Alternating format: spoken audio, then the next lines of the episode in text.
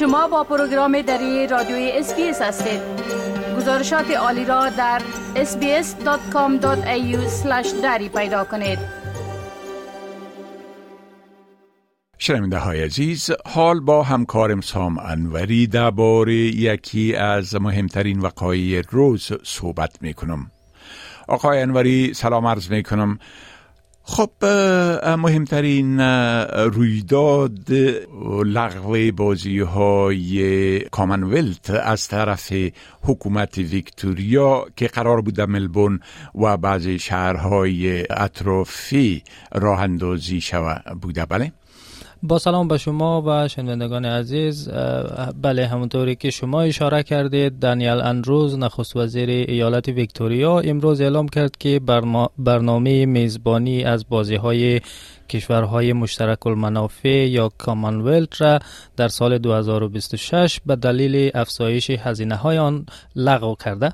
هزینه میزبانی از این مسابقات ورزشی بین المللی که قرار بود در شهرهای جلانگ، بندیگو، بالارات و گیپسلند ویکتوریا برگزار شود ابتدا 2.6 میلیارد دلار برآورد شده بود. اما آقای اندروز گفت که طبق برآوردهای تازه مصرف میزبانی از این بازی ها به 6 تا 7 میلیارد دلار می‌رسه که برای یک رویداد ورزشی 12 روزه بسیار زیاد است. به گفته او این رویداد به اندازه پولی که قرار بود برایش مصرف شود ارزش نداره و حتی نمی‌تونه که تضمین کنه که 7 میلیارد دلار هم برایش کافی خواهد بود. ویکتوریا پس از آن امتیاز میزبانی از این بازی ها را به دست آورد که شهر دوربان در آفریقای جنوبی امتیاز میزبانی از این رویداد را در سال 2022 از دست داد و شهر برمینگم بریتانیا که میزبان اصلی بازی ها در 2026 بود مجبور شد مسابقات سال گذشته را میزبانی کند.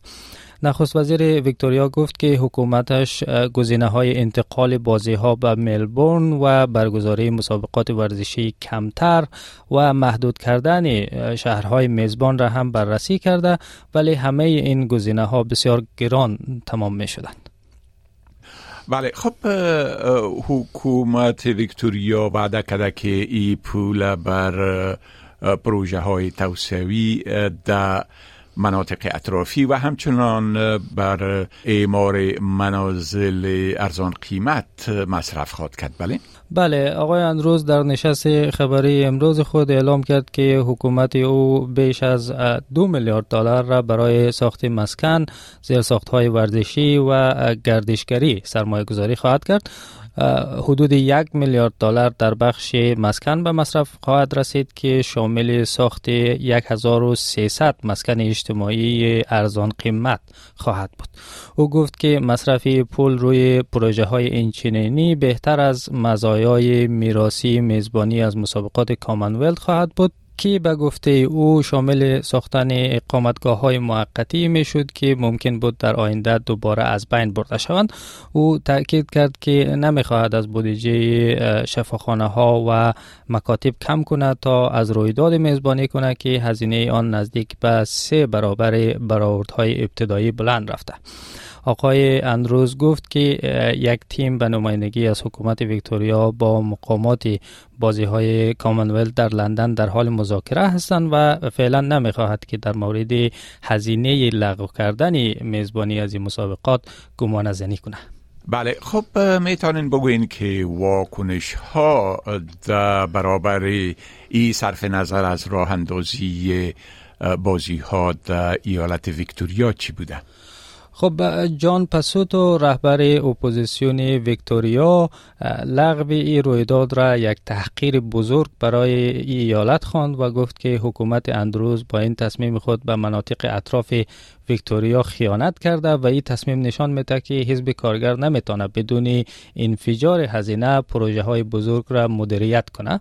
او گفت که لغو بازی های کشورهای همسود به اعتبار ویکتوریا به عنوان یک ایالت پیشتاز در میزبانی از رویدادهای بزرگ به شدت لطمه می‌زنه. همچنین حزب سبز ویکتوریا نظر مشابه را اظهار کرده و مدیریت این رویداد توسط حزب کارگر را اطلاف ناامید کننده زمان و پول توصیف کرده. الان سندل سرپرست سبزهای ویکتوریا گفت که حکومت اندروز به وضوح دچار سرگیجه شده و نیاز است که اولویت های خود را بهتر تشخیص بده و به مشکلات فوری چون ساختن مسکن ارزان قیمت و کاهش فشار گیرانی تمرکز کنه.